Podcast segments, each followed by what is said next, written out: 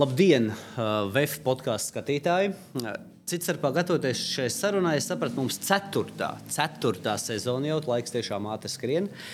Bez tā, ka 4. sezona podkāstam mums ir 65. gads basketbola klubam VF kopš dibināšanas, un tā iemesla dēļ šogad mēs podkāstu ietvaros vairāk kārt atskatīsimies bišķiņu arī tādā nedaudz pagātnē. Skaidrs, ka pieskaroties šodienai, un tas ir viens no iemesliem, kāpēc daļu sarunas vadīšu arī es. Nu, un, Es teikšu, godīgi, man sen uh, jau bija šāda vēlme, bet es gaidīju kādu īpašu uh, mirkli. Un, uh, manuprāt, 65. gads, 65. sezona tieši tāds arī ir. Lai parunātos ar nevienu citu kā dāmas un kungi, Valts Valters. Sveiks, Edgars. Ilgi neesam runājuši tādā Citstarpā- formātā. Citstarpā, man- kā, mana, mana lieta kaut ko nedaudz vienmēr skaitīt. Es paskaitīju normāli, manuprāt, nu, ar normālu, normāli, es domāju, abās nozīmēs, jā, normāli. Uh, Bet gan gari, gan uh, sakarīgi, manuprāt, mēs neesam runājuši 13 gadus. Apmēram. Jā. Jā, viena saruna, ja nemaldos, mums pa vidu šo 13 gadu laikā ir bijusi, vai citādi. Mums citādi. bija dažādi ceļi. Mēs gājām pa dažādiem jā, ceļiem. jā, jā, tieši tā. Nu, uh, sākšu ar tādu ļoti vispārīgu jautājumu. Nu, vispār kā tev klājas?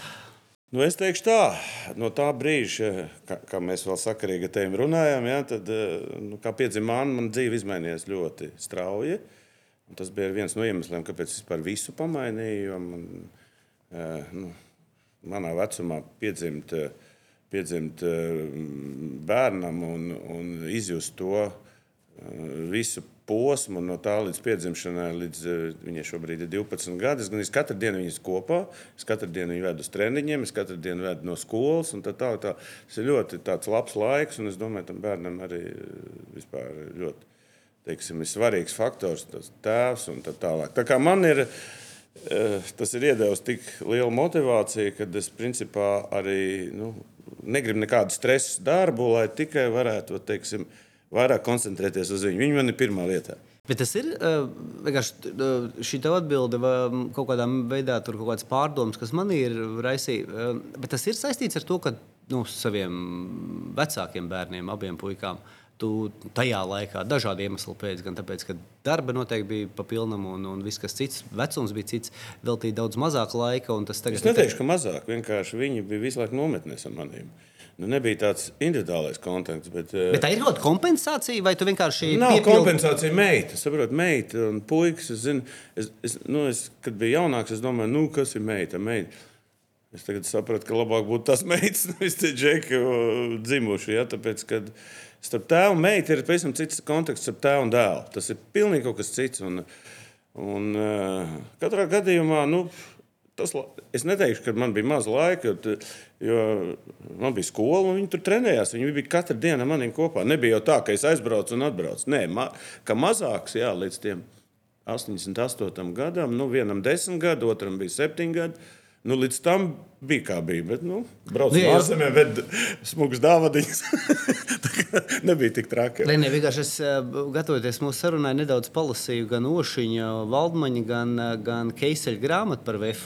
Mm, eh, Divas, man liekas, tikai par VF ir, eh, ir sarakstīts. Tad, eh, un es kaut kā piefiksēju pie sevis domu, tur, tās, tur tas, tas jūsu režīms aprakstīts, nu, kas 80. gados bija. Ko es nezināju. Nu, man liekas, kā PSRS čempionāts, PSRS čempionāts. Nu, tur nospēlēja. Nu, tā kā tā Tur vesela sērija var uztaisīt par to. Nē, Kas tur notiek? nē, Tas ir viens, bet otrs, kā te sauc, tad vēl nāk kaut kāda Spartakijāda, kur kaut kāda LPSR komanda. Tā jūs vēl Latvijas čempionāta ietvaros mačos es Jā, un tad vēl jūs braucat ar šo komandu uz kaut kādu tur, tur ārvalstu tūriem, kas ir kā bonus. Ja? Tagad liktos sots aizbraukt uz Poliju uzspēlēt. Ne, kā? Polija uz Āfriku Nu, jā, jā, tur, bet es principā, ja, un, un, un, un, un beig, beigās vēl, vēl, vēl tā sapratu, un es domāju, kurā brīdī tad tur vispār kaut kāda ģimene, vēl kaut kas, jo tas spēles, tas spēļu, kopējais spēļu skaits, cik tev toreiz apmēram bija, nu, tā vidē, labākos gados. Grūti pateikt, saprot, man bija pārmet, ka es VFā sačkoju tur pēdējās. se- Nu, piemēram, bija tāda formula, ka spēlē riņķi vai divus, atlasies seši vai astoņi, un viss. Un, eh, un attiecīgi, ja tu tiec sešiniekā, tu jau esi neizkrist. Galvenais uzdevums neizkrist. Medaļas dabūt mēs nevarējām, mums bija augstākā vieta piektā, un, un, un tad sākās. Nu, un tad paliek divas stūres, kur spē, izspēlē septīto, tur 12. vietu. Galvenais ne. Un tad, nu, tad tur es tāds brīvdienas ņēmu. Jo pēc divu nedēļu vai nedēļu uzreiz PSS izlases, pusgadu PSS izlases, pusgadu VFA. Bija tāds režīms. Tad tu iedomājies, ja ņemot šodienas režīmu, kā nu, viņam ir tur vasaras brīvs, un tur viņi var atpūsties un trenēties, man tā nebija. Man praktiski bija jāņem kaut kur. eh, Kaut kur, kaut kur brīvs. Nu, pēc tam es nevarēju. Tur no tā bija atkarīgs viss naudas izmaksas, tur viss vis, vis, vis pārējais. Un līdz ar to Gomes bija pie pakaļas, kad tu tur VFā spēlē. Viņam galvenais, lai tu tur būtu vesels un varētu iedot savu maksimālo rezultātu. Un tas bija pusgads. Nometnes, braucieni pa visu pasauli, krustām šķērsām. Kā Tas režīms bija diezgan pasmags, bet par VF runājot, baigi interesanti. Ne, neviens jau varbūt nav runājis par to, vismaz, kas te, te cilvēki ir bijuši. Mums bija ceha mači. Tu iedomājies, es biju cehā. Viens no ceha priekšniekiem bija Lipmans. Jā, un tur starp cehiem es gāju spēlēt reāli starp cehiem. Tu iedomājies, Eiropas labākais basketbols spēlēt pat cehiem. Nu, man vēl bija politehniskā, kurā es tur vēl arī, kā saka, katru spēli nospēlēju. Es biju diezgan liels patriots. Nu, tagad Rīgas Tehniskā universitāte, bet, bet par cehiem bija baigi interesanti. Es izēju, nu, piemēram, Kas, kas vispār bija VFs, lai mēs varētu. Šobrīd ir VF komanda, neviens nezina, kas ir VF rūpnīca. VF rūpnīca bija tāda, es iegāju pa tiem vārtiem. un Tur Džeks brauca kā ar tādu, uzreiz klāt, valda, kā iet, to tu tur parunājies. Ja. Tur tiesneši strādāja, nu visi, zin, un tad, kad ceha mačos, es atceros, bija tā, tāds eh, tiesnesis, viens bija spēlē, un viņš sodu nesvēl, kas notiek. Nē, Pa man pa labi, viņš saka, es nevaru tam nevienu sodu iedot. Tu vienkārši biji tāds fans, ja? nu, ka es saku, man nē, spēlēt, vienkārši es situ, man nedod sods un tā tālāk. Nē, nu, tur bija tā kā ģimene, ja? un tur bija direktors, ģenerāldirektors Leņņos, un viss tā struktūra bija tāda, kas dzīvoja to VF kopā. Ļeņos sanāk, visus tos gadus, kopš uh, tu spēlēji VFā, principā viņš visus gadus bija līdz, līdz Viņš bija unikāls veids vispār, es to pateikšu, tādā ziņā kā saimnieks. Jo tad, kad atnāca jau tur brāļš vai kas tur, Jā. viņš arī nolaida to VF. Pēc būtības, ja būtu Leņķis, nekad VF netika nolaists. Mēs Siemensam tika pārdots vai, vai kaut kādas struktūras, jo tur bija baigi. Nu, 3000 tomēr darbinieki bija. Nu, tas kolektīvs, nu, es nezinu, ka, Es domāju, tas tur vēsturniekiem, politiskiem jāpēta, kāpēc tā notika. Bet viņš bija tāds unikāls cilvēks, ka, piemēram, bija tāda situācija. Mums bija Rīgā tūre, bet mums bija iepriekšējā tūrē kaut kur noraidījumi. Iedeva kaut kādas tri, trīs spēlētājiem noraidījumus. Iedeva tur Dudarevam, man liekas, iedeva, un, un es gāju tur kā trešais strīdēties, ko tu dari, Grigorijs iedeva trešo. Trīs spēlētājs galvenos nodzina laukumu, mums bija vēl tur divi mači palikuši, vai trī, divi mači. Un Rīgā tur, un, un pēc tam noteikumiem, piecas spēles diskvalifikācija. Un tad iznāca Rīgā trīs spēles izlaist. Ļeņķis zvana uz Maskavu. Viņš saka, tā, ja jūs to, to diskvalifikāciju nesamazināsiet, mēs rūpnīca rīt vispār neies strādāt. Ja viņš pat komitejas atcēla visu, mēs ar pirmo spēli spēlējām. Ja kāda bija interese? Un kāda bija, kad, kad eh, nolikuma pārkāpa tikai tāpēc, lai, redz, lai VF rūpnīca varētu strādāt? Bet, Lau, eh, tāds varbūt eh, vispārīgs jautājums, bet tu kādreiz vispār esi nožēlojis, eh, ka tu esi bijis un, un nu, esi bijis profesionāls sports, bijis profesionāls basketbolists? Tur kādreiz bijusi nožēla, nu, zin, lai, lai, cik banāli, lai cik banāli neskanētu, ja dzīvot vēlreiz. Pri- Jā, ot, man patīk, ka tu šo tēmu esi aizgājis. Mēs arī daudz sarunājāmies. Es teicu, nu, tagad ap 60 tu sāc domāt, a, ko tu esi izdarījis. Ja? Un tu sāc domāt, tā varbūt ir kāds cits ceļš. Ja? 40 es par to nedomāju, 50 tad nedomāju. Bet tad, kad tev Edgars būs 60, ja? tu sāks domāt, kā, tā dzīve, kā tu to dzīvi varētu savādāk dzīvot. Un man tagad, nu, tagad iedomājamies, mēs esam dzīvojuši trijos režīmos prak- praktiski kaut kādos. Ja? Uh, nu, Padomu Savienībā, Eiropas Savienībā un vēl sazinu, kur. Ja? Un, um, un tagad ir, eh, nu, piemēram, kā es gribētu. Es gribētu, eh, nu, eh, nu, man tas basketbols bija tikai tāpēc, nu, ot, man iedzina tajā basketbolā, es jau, ja tu gribēsi, es vēl parunāšos, kā es tur nokļuvu, starp, citu, starp, starp laikrakstu sports uzzināju vispār, ko es darīju līdz 19 gadiem. Bet, atbildot uz tavu jautājumu, tur baigi interesantais faktors. Nu, piemēram, Mans ideālais modelis būtu tā, es, es gribētu braukt uz koledžu, mācīties tur, spēlēt basīti, tur dabūt izglītību. Un tālāk, kā aizies. Vai no NBA, vai no vispār kaut kur biznesā, vai kaut, tā, vai kaut kādā savā sfērā, piemēram. Kaut vai zinātniskā, ko es tagad ļoti teiksim, nodarbojos. Ja, man, man nekad, es, es to saku, es 81. gadā. Man zina, liecinājums 81. gadā un 82. es kļuvu par nu, Eiropas un pasaules labāko. Es to gribēju beigt spēlēt. Jā. Es negribēju vairāk spēlēt basketbolu. Es likās, ka es visu sasniedzu. Man, nu, es, es biju panācis to, ko es visu laiku centos. Un tad sākās tā sistēma. Tev jāspēlē tur, nu labi, Olimpijāda 84. Nu labi. gatavojamies to olimpiādu. Nu, tur mēs bijām labākā komanda labākajos gados. Bams un boikots. Jā, un, viss, nu, un tālāk automāts. Bet tā apziņa tev, nu, pēc, es pēc sevis spriežu. Es tiešām, lai cik tas uh, var ticēt, var neticēt, es kopš desmit gadu vecuma gribu nodarboties ar politiku kaut kādā veidā. Nu, jautājums, nu, tu jau nodarbojies. Jā, jā, nē, vienkārši saku, man tas, man tas tiešām, cik es sev atceros, tādā desmit gadu vecumā, es skatos televizoru, jā, tur ziņas blakus vecai mammai un tur tētim. Man tā apziņa, es domāju, nu, apmēram tas vecums, 8, 9, 10 gadi, ka man ir skaidrs, ka man tā joma ļoti interesē. Tev, kā profesionāls basketbolists, kas ir tas brīdis, kad tu skaidri atceries, ka es gribu būt basketbolists, es gribu profesionālā sportā nu, labi. kaut ko sasniegt. Edgars, ja mēs pārējām bijuši tālāk, pārējām uz tādu dziļāku sarunu, ja, tad, tad cilvēkam katram ir kaut kāds. Nu, uz priekšu zināms, kas viņš būs. Nu, es tā domāju. Nu, Jautājums ir pašam. Ne, paš, Tas, ka kādam nē, ir zināms, tā, ir viens. Nē, nē, nu, tev viņš bija uz to. Nu, saprot, man ir bijuši baigi daudz tādu pagriezienu punktu, kurā es tā kā eju prom no basketbola, un atnāk cilvēks, kurš saka, nē, tev jāatgriežas. Nu, piemēram, uh, ļoti daudz faktoru. Vienmēr man aizsūta uz Mūrjāņu, Mūrjāņiem mācīties vienu gadu. Kaut kur 7. klases, man liekas, 7. klases. Ko, tur, tur vispār basketbola ja? būmas nebija. Saprāt, es veselu gadu eh, trenējos vietlatikā un volejbolā. Un braucu es, eh, spēlēt sestdienas, svētdienas basīt pie VF. Ja. Tad mēs tagad, kā tas vispār izskatās ja, no šodienas apstākļiem. Un tāpat es tur biju labākais un tā tālāk. Tas bija viens faktors. Es sāku futbolu līdz desmit gadiem. Nu, Es varēju kļūt par futbolistu, bet atkal pagrieziena punkts. Atnāk Valdmans uz 45. vidusskolu, kas grib spēlēt basīti. Nu, tur nostāda. Okay. Aizēja, ja, tur mājās viss ekstāze, beidzot, tur zin, 95% krievu spēlēja, un, un viens latviečs tur bija. Zin, uh, nu, labi. Tur es tāds futbols biju. A, basketbolā pilnīgi otrādi. Tur bija 100% latviešu. Tā, tur ģimene kā, no, sāk spēlēt paralēli gan futbolu, gan basketbolu. Nu, labi, tas basketbols labāk aizgāja. Nu, Tīri intuitīvi. Neviens man nespēja. Tālāk, vēl pagrieziena punkts. Es pabeidzu tur kaut kādu 20. skolu. Kā aizbraucu uz kaut kādu nometni, atbraucu tur skolā, kaut kur iekavēju matemātikas konflikts ar skolotāju. Nu, tā kā jāiet no skolas prom. Ej pa ielu, pienāk viens džeks klāt. Tāds. Kvāls bija arī treneris 5. sporta skolā. Viņš saka, Valdē, ko tu dari? Es saku, nu, tāds slikts. Uzreiz viņš saka, nu, ot, es tur iekārtošu celtniecības tehnikumā pie Ribaka. Haps tur un atkal basketbols. Un tur es četras gadus mācījos, tur par autoceļu inženieri. Es strādāju praksē, tur četras gadus, bet interesantais faktors - neesmu spēlējis. Latvijas izlasē junioros, neesmu spēlējis. PSRS junioros, nekur es neesmu spēlējis. Es 19 gadiem es Latvijas basketbolā nevienam nebija vajadzīgs. Es tagad skatījos periodikā, ko es darīju. Vecumā no 18 līdz 19 gadiem. Tas ir svarīgs vecums. Tas, ir, tas sanāk kaut kāds 75, 76 jā. Jā, tagad skaties.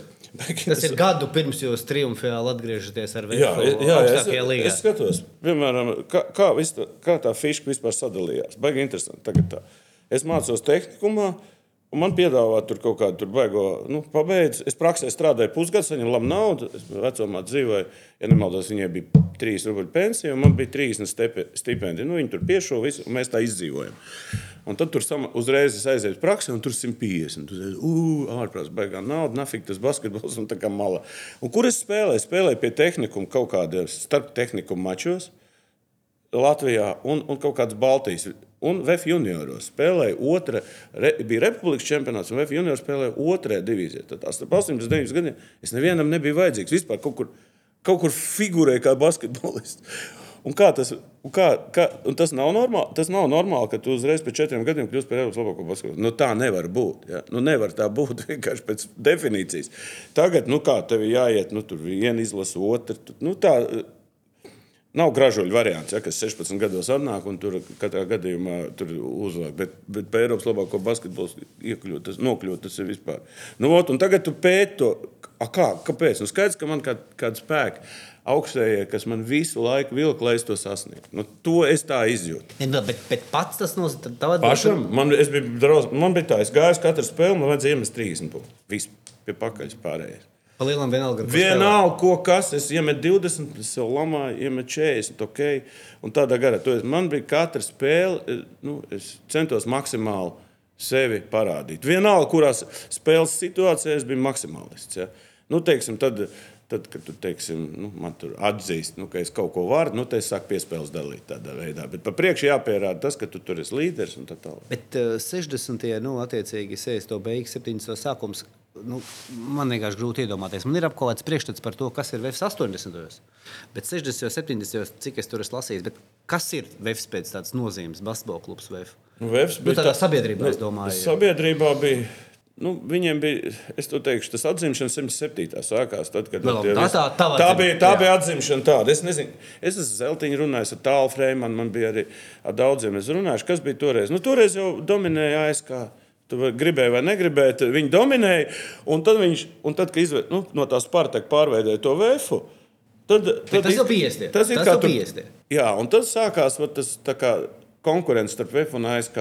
Tā, nu, tur bija tā, nu, godīgi sakot, nu, tā kā bija savā laikā Žalgers ar, ar statību vai, vai CSK Maskavas Dienāmo. Nu, tā, vienā pilsētā grauzās pa katru spēlētāju, pa katru to. Nu, bija arotbiedrība. Nu, es, man, man grūti spriest, bet Nu, katrā... bet tev kā puikam, tu sēsi to gadu beigās, es 11 gadus. Es ASK neatceros. Nu, 60. gadā bija, atceries, ASK bija un TTT bija Eirolandes čempioni.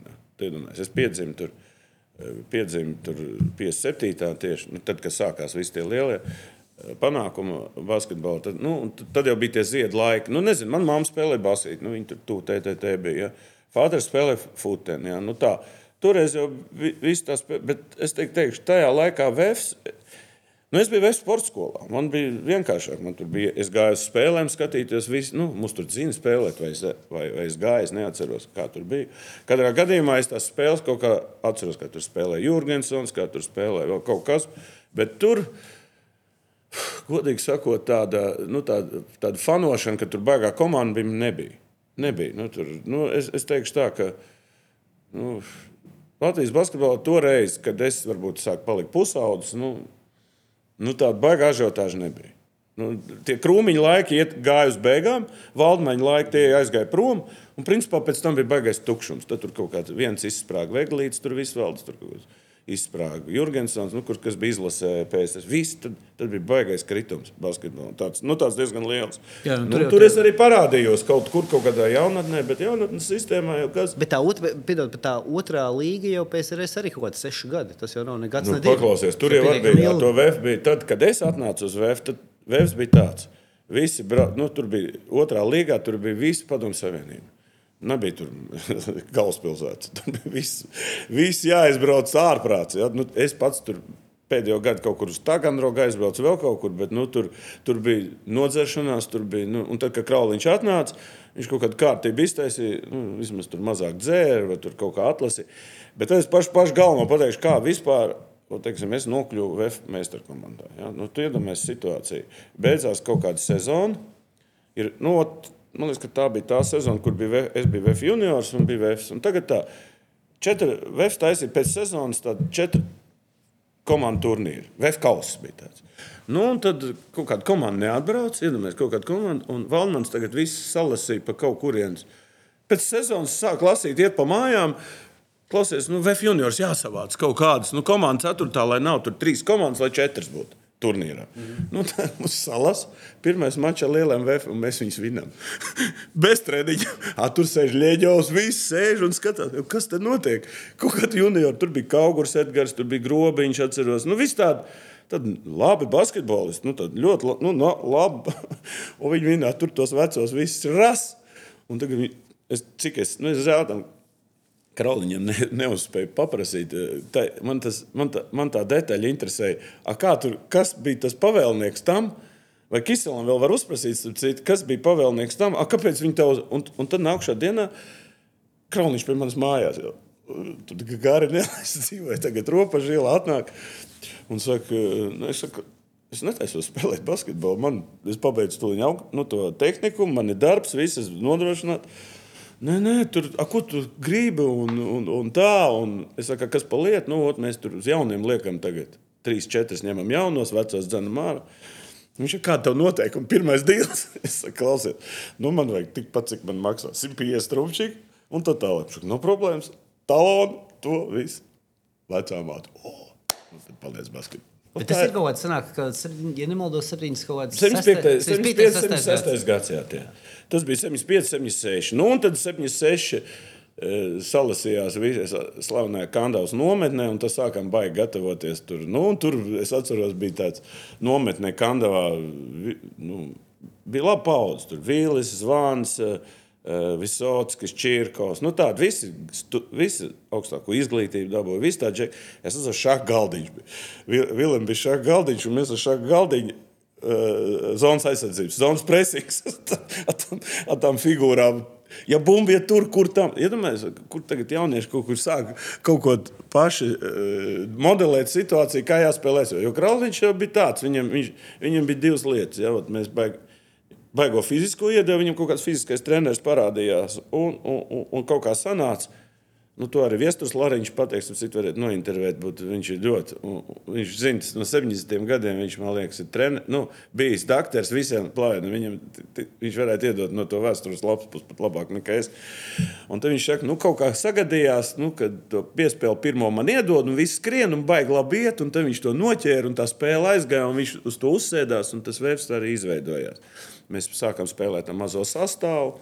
Bet tā sajūta pirms tās 76. un 77. gada sezonas ir kāda, ka tiešām uh, tas sapnis par to atgriešanos virslīgā ir reāls. Bija, bija, vai drīzāk tāds, jo bija. es esmu lasījis visādas krauliņa atmiņas, ka viņam tur kaut kāds trīs gadu plāns, un tas 76, 77 bija tas otrais gads, ka viņš sākotnēji bija domājis, nu, ka varbūt tikai tajā. Ne, bet 7, tā bija tā, tas, ko es stāstīju. Tā pirmais gads viņam bija tas, ko es teicu. Jā. Viņš ar tiem. Jā nu, bišķiņi tā, tā kā jā, attaisījās. Un tad tajā tad turnīrā jau. viņam atvēra jaunu lapas pusi. Jūs jau sezonas sākumā ejat ar domu? Jā, ejam. mums bija baigi. Nu, te, jā, bija vecāka brigāde, birznieks balodas. Un vēl tur kāds bija, man liekas, Bergvalds bija. Jā. Un tad, Kalniņš vēl, man liekas, ir. Kalniņš bija jā, pie jauna. Pie, pie jums mēs bijām kopā visi. Kalni. Nu, mums bija tāda jaunā, tur lietiņš vēl bija. Vis, nu, tad kaut kādi septiņi, astoņi čaļi mēs bijām jaunie. Un tad bija tie vecie birznieks Balods Bergvalds. Visu. Un tad, tad piekombinēja žvīguru klāt, tur arī tas arī vecās. Tur jau tas epopēja bija. Viņš jau reiz nevarēja, jā, tur bija ārprāts. Nu, un tad, zināmā mērā, Žvigurs jau bija Latvijas labākais basketbols to brīdi. Nu, vispār tur bez jautājuma. Un tad, un tad tur bija tā iekšējā cīņa, kad es es un viņš, un tad tur Ivars beigās padevās. Ja? Bet, bet sākumā mums bija tāda baigā. Bet mēs labi kopā arī spēlējām. Nu, nu, mēs, mēs viens otru papildinājām. Viņš bija tāds, kam, baig, kam bija ļoti svarīgi no, no, to, to uzbrukumu uh, pabeigt. Man bija svarīgi viņam, viņa, Kad viņam ir iedot bumbu, viņš vienmēr realizē. Tev vispār tāda sajūta par no nu, tavas, nu, katram cilvēkam ir, man tā šķiet, katram cilvēkam ir kaut kāds tāds viņa galvenais konkurents. Uh, nu, vai vairāk. Tava, tava tāda sajūta par, par uh, cilvēkiem, kas tev uz laukuma ir bijuši, nezinu, vai, vai, vai, vai, vai, vai, vai, bija Rolands Grobiņš. Klausies, nē, nē, es izstāstīšu. Rolands Grobiņš sports mēs pilnīgi identiski, vēl tagad mēs bijām pie Zeltiņu, tāds Edgars Dzens, viņš teica, nu, viņš uzdeva jautājumu, viņš teica, divi pilnīgi vienādi spēlētāji ar vienādu, ar vienādu to, viens aiziet augšā un otrs lejā, vai šitā nokrīt. Ja? Nu, viņš teica, nu kā dzīvē gadās. Ja? Tur mēs konkurējām. Tur bija tāds spēles vadītājs, viņš kā iedeva bumbu pa labi, apakaļ nedabūja.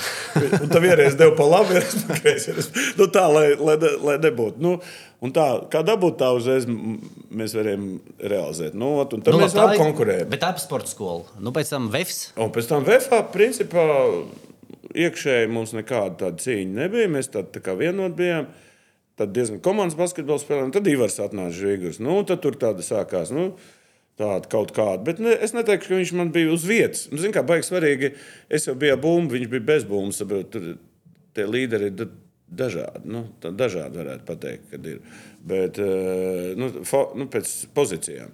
Bet es neteiktu, ka bija. Nu, PSRS izlase, tas ir cits stāsts. Ja, tur jau ir kā es līdz tai tiku, tas arī ir interesants. Tas, tas, tā ir pat atsevišķa bet, bet, psiholoģiskais faktors. Bet šeit, no 80, 80 gadā, tu netiec, tev nepaņem, es saprotu, tur ir visādi. Ne, es jau biju 70, vis... es biju jau 70. Ne, nu, nu, es, es uz Manīlu gatavojos 78. gadā. Neviens jau to neatceras. Tas pasaules čempionāts, jā? Jā, bija. Manīlā 78. gadā. Kā, kā šogad? Jā, es jau saku, kā Manīla, tāpēc saku, bija, tur bija interesanti. Es to pirmā, pirmais gads VFam, es labi nospēlēju es tiku pēdējā 15. kas gatavojas uz Manilu. Nu, 12 brauc, nu, ja kāds būtu traumas dabūjis, es būtu būt braucis. Un tur bija Aleksandrs Belovs vēl pēdējo gadu. Viņam tā liela tā operā, nu, operācija, viņam tā, tā, tā, tā, viņš ir nomiris ļoti ātri. Nu, ot, tur bija mēs trīs palikām, man liekas, tur bija Kānaus, es un viņi trīs palikām. Eh, tā kā ārpus borta. Es jau tad biju pirmo reizi, bet tad es tādu sliktu sezonu nospēlēju, un tam man vairāk neņēma. Un tad eh, kaut kādā 79. un 80. gada pirms Olimpijas sezonā es atkal baigi izšāvu. Eh, bet es to vēlreiz saku, es, es skatījos pēc laikraksta sports, kā man. es, es tur biju pazaudējis tādu funkciju, kas 79. gadā izrādās. Baigi baig interesants faktors. Mēs bijām Somijā un tad braucām uz Kipru. Un mēs bijām vienu dienu mājā, un man bija apendicīts. Un man saka, vilk, vilk kaut kas.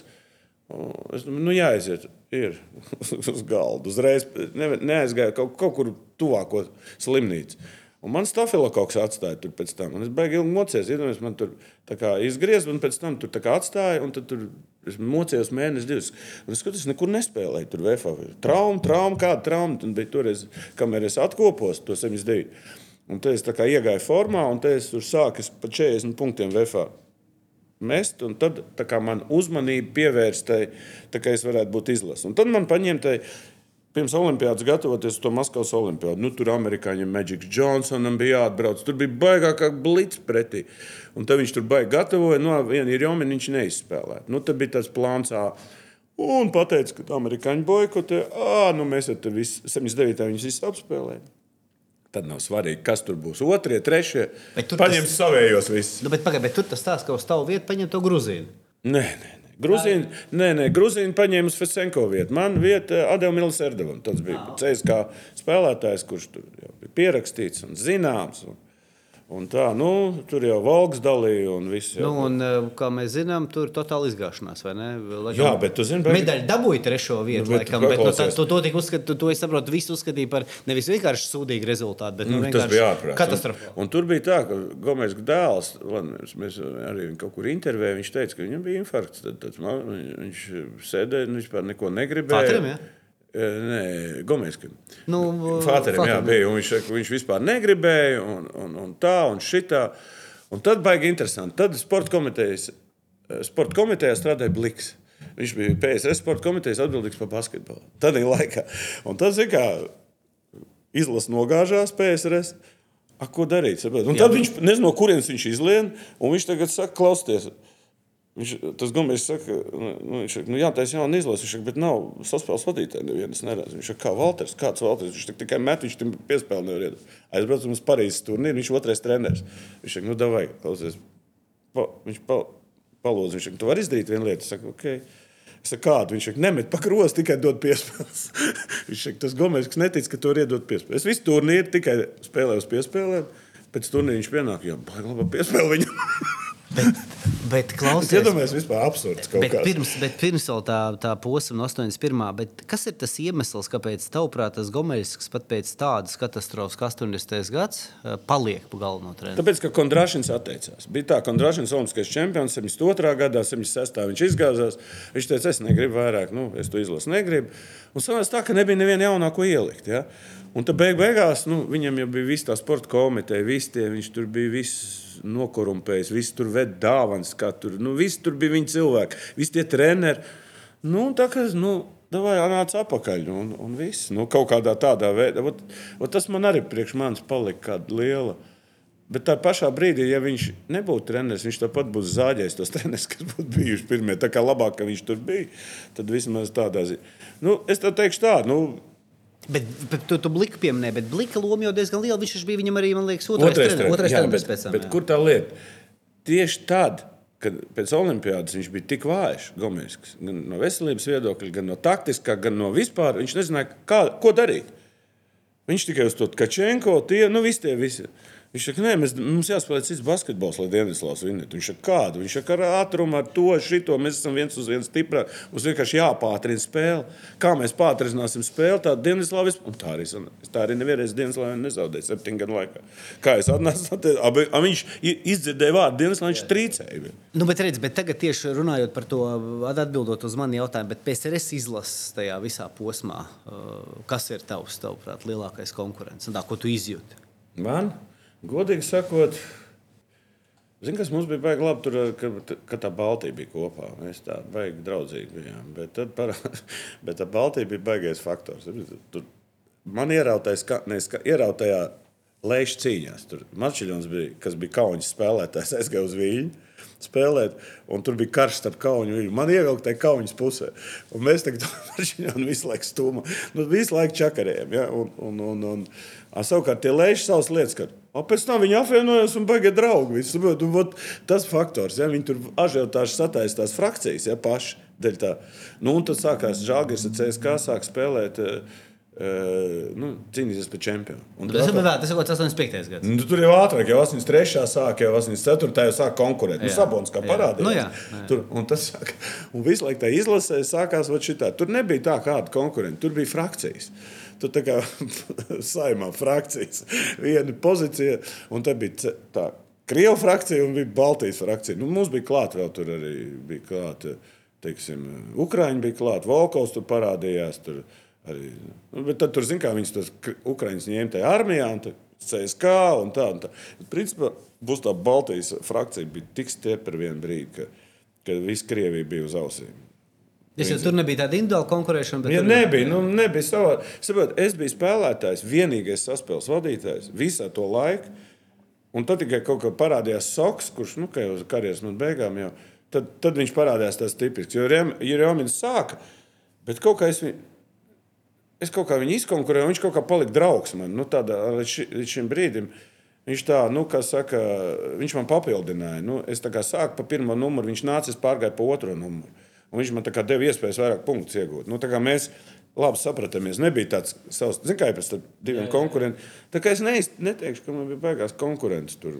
Bet, nu, labi, bet uh, par PSRS izlasi man tāds pēdējais jautājums, kas man pašai ļoti interesē. Tajā 88. gadā, kas tur notiek? Kāpēc Ui, ne... tas ir baigi? Nu, kāpēc neesi? Jo tu, tas ir, tas tu esi pietiekami jauns. Tev uz to brīdi trīs, jauns? nu, kas 3, 3, 1 gads. 86. gadā es tiku atskaitīts no izlases pēc otrās vietas. Mēs sabojājām un kurtinājām. Ja? Mēs trīs bijām oficiāli dokuments. Sapratu, tur ir viens cilvēks, žurnālists, kurš katru visu dokumentu ir savāds. Visi treneri tur tās, visu to nodokumentētos, visu, ko viņi runājuši. Kas tur ir, ko viņš mums stāstīja, tas šausmas. Nu, kādā valstī vēl dzīvo trakāk, ka, ka tagad tur Krievijā notiek. Nu, kā, nu, viņi, viņi mums trīs, iedomājamies, mēs dabūjām sudrabu, un mēs esam visi trīs, vai mums visi atskaita no izlases. Mēs neesam vispār. Bet nu, iemesls kāds?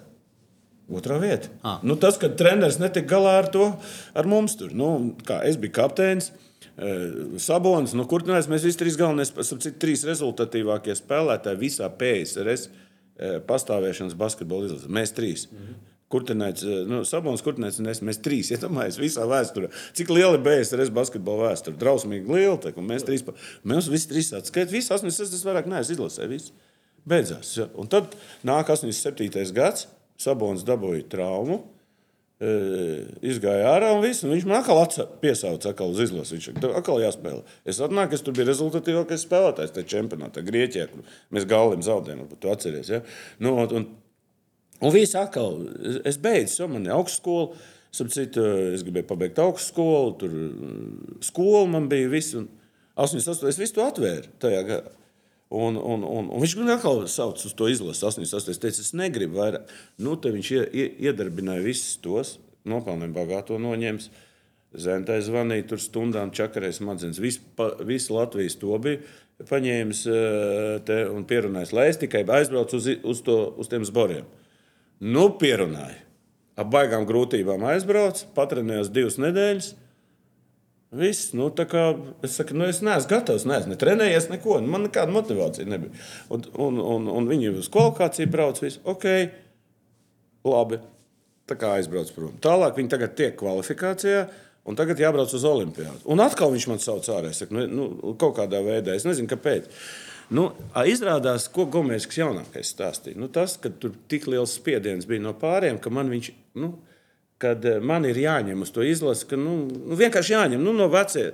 Nu, Iedomājieties, tev tas background, tas, ka tu visu laiku spēlē, tu esi līderis un, un tev neņem.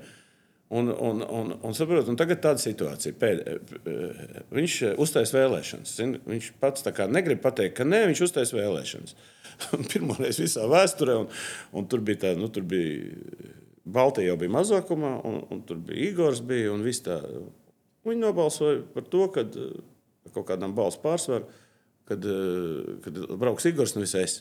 Saprot, viss. Nu, saprot, viņš, viņš tā kā, es viņam prasīju, apēc kā viņš taisa, viņš tā kā varēja atskaitīt un viss. Nē. Viņam bija jābūt eh, tā, tā kā krievis saka, maska par to, kāpēc Jā, jā. viņš man nav paņēmis. Nu, viņš to visu uztaisīja. Un Es, pēc tam ar viņu vispār nerunāju. dēļ šitā. Es saku, nu, tā varēja pateikt, klausies. Nu, Bet nu, viss tā leģenda, kas ir basketbola aprindās, ka tu tur īstenībā pirms tam gatavojies un uz to nopietnu olimpiādu uztvērs, tāpēc, ka bija sajūta, ka nebūs sabonis. uh, Kurš Arī tas, mēs sarunājām gadu iepriekš, Sabona bija Gagārina kausa.